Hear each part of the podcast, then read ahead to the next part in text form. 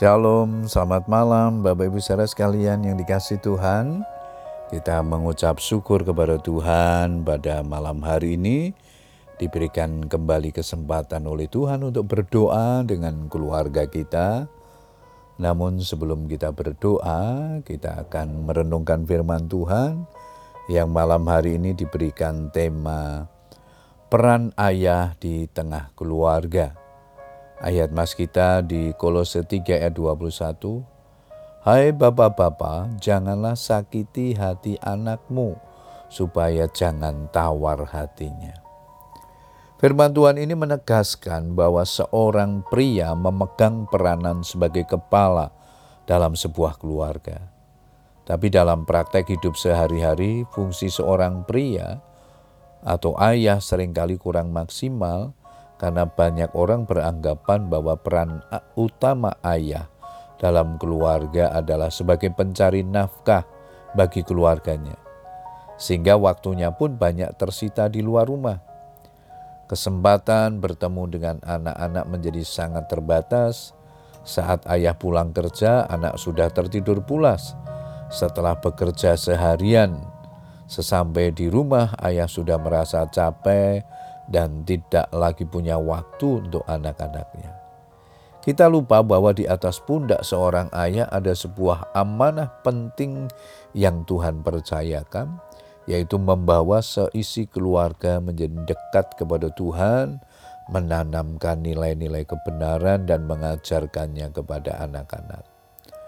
Rasul Paulus mengingatkan kembali peran ayah dalam keluarga yaitu seorang kepala keluarga yang baik disegani dan dihormati oleh anak-anaknya. 1 Timotius 3 ayat yang keempat. Dalam hal ini peran seorang ayah dalam keluarga adalah sebagai pemimpin yang baik, disegani, dihormati anak-anaknya. Apabila seorang ayah tidak mampu menjalankan perannya sebagai pemimpin yang baik bagi keluarga, ini sangat berbahaya karena ia sering kali menjalankan tugas kepemimpinannya secara otoriter, tidak mau menerima masukan dan kritikan dari istri maupun anak-anaknya. Kepemimpinan itu butuh keteladanan. Keteladanan hidup seorang ayah adalah hal yang paling utama dalam keluarga.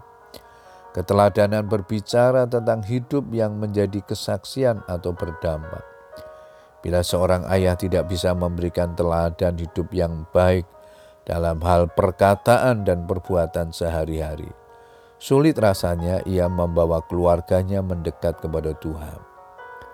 Tuhan menempatkan ayah sebagai tipologi keberadaan Kristus di tengah-tengah keluarga.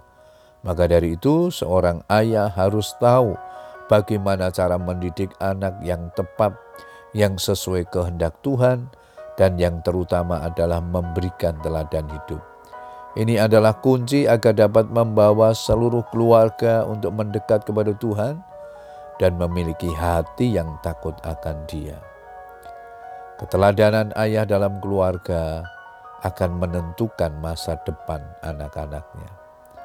Puji Tuhan Bapak Ibu Saudara sekalian, biarlah firman Tuhan menuntun langkah hidup kita, supaya setiap bagian daripada keluarga dapat berfungsi dengan maksimal sesuai dengan kehendak Tuhan. Selamat berdoa dengan keluarga kita, tetap semangat berdoa dan berharap kepada Tuhan. Tuhan Yesus memberkati kita semua. Amin.